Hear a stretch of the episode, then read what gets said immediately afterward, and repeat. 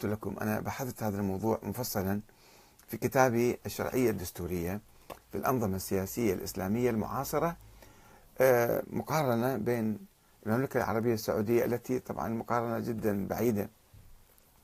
النظام السعودي ليس فيه أي ملمح من ملامح الشورى أو الديمقراطية على العكس من التجربة الإيرانية الغنية في هذا المجال. وأنا اختصرت الموضوع في آه، هذه الدقائق.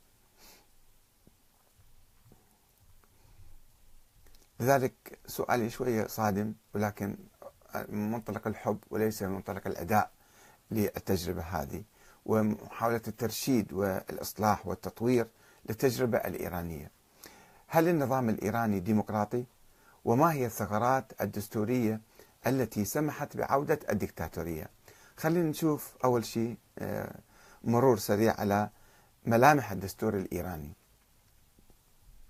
احتوى الدستور الإيراني الجمهوري الإسلامي على 177 مادة توزعت على 12 فصلا.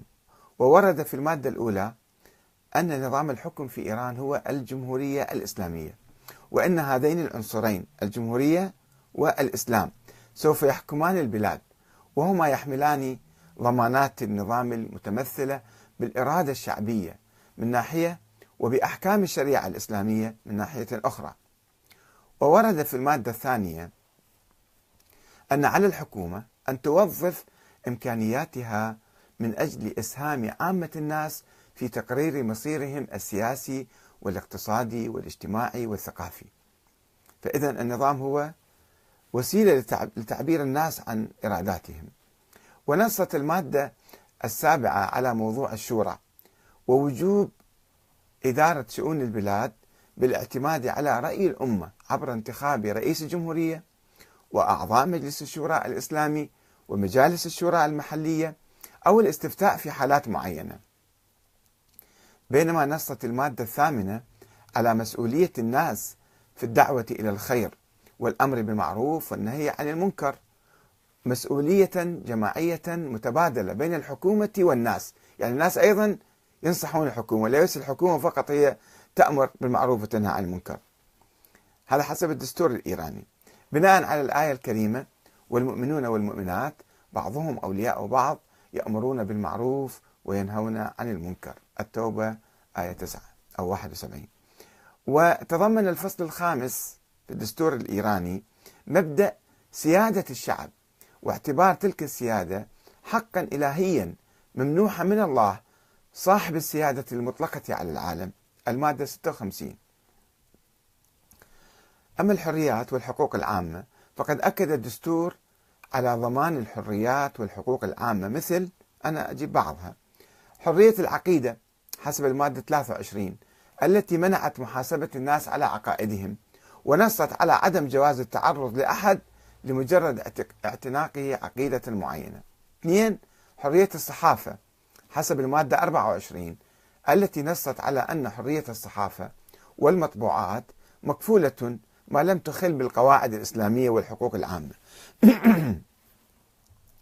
أربعة حرية التعبير والخطاب حسب المادة 175 التي نصت على حرية التبليغ وإذاعة المعلومات في وسائل الإعلام ضمن الأطر والموازين الإسلامية. ستة حرية التجمع حسب المادة 27 التي نصت على جواز عقد الاجتماعات والمسيرات بدون حمل السلاح وبشرط أن لا تكون مخلة بالأسس الإسلامية. سبعة حرية العمل السياسي وتشكيل الأحزاب والجمعيات والاتحادات المهنية والهيئات الإسلامية.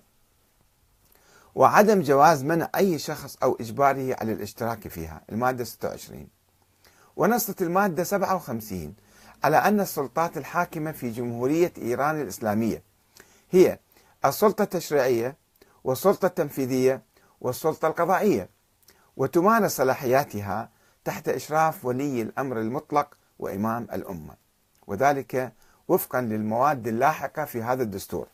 وتعمل هذه السلطات مستقلة بعضها عن بعض.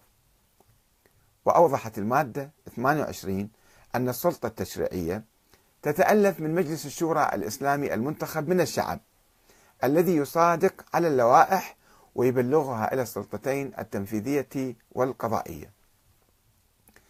ونص الدستور في الفصل السادس على مشاركة النواب في الجلسات العلنية والتعبير عن آرائهم ومناقشة اللوائح والاقتراحات المقدمة من الحكومة وحقهم في رفضها أو قبولها وأن لهم الحق في تولي التدقيق والتحقيق في جميع شؤون البلاد. المادة 76 ووجوب مصادقتهم على المواثيق والعقود والمعاهدات والاتفاقيات الدولية. المادة 77 وأن كل نائب مسؤول تجاه جميع أبناء الشعب وله الحق في إبداء وجهة نظره في قضايا البلاد الداخلية والخارجية.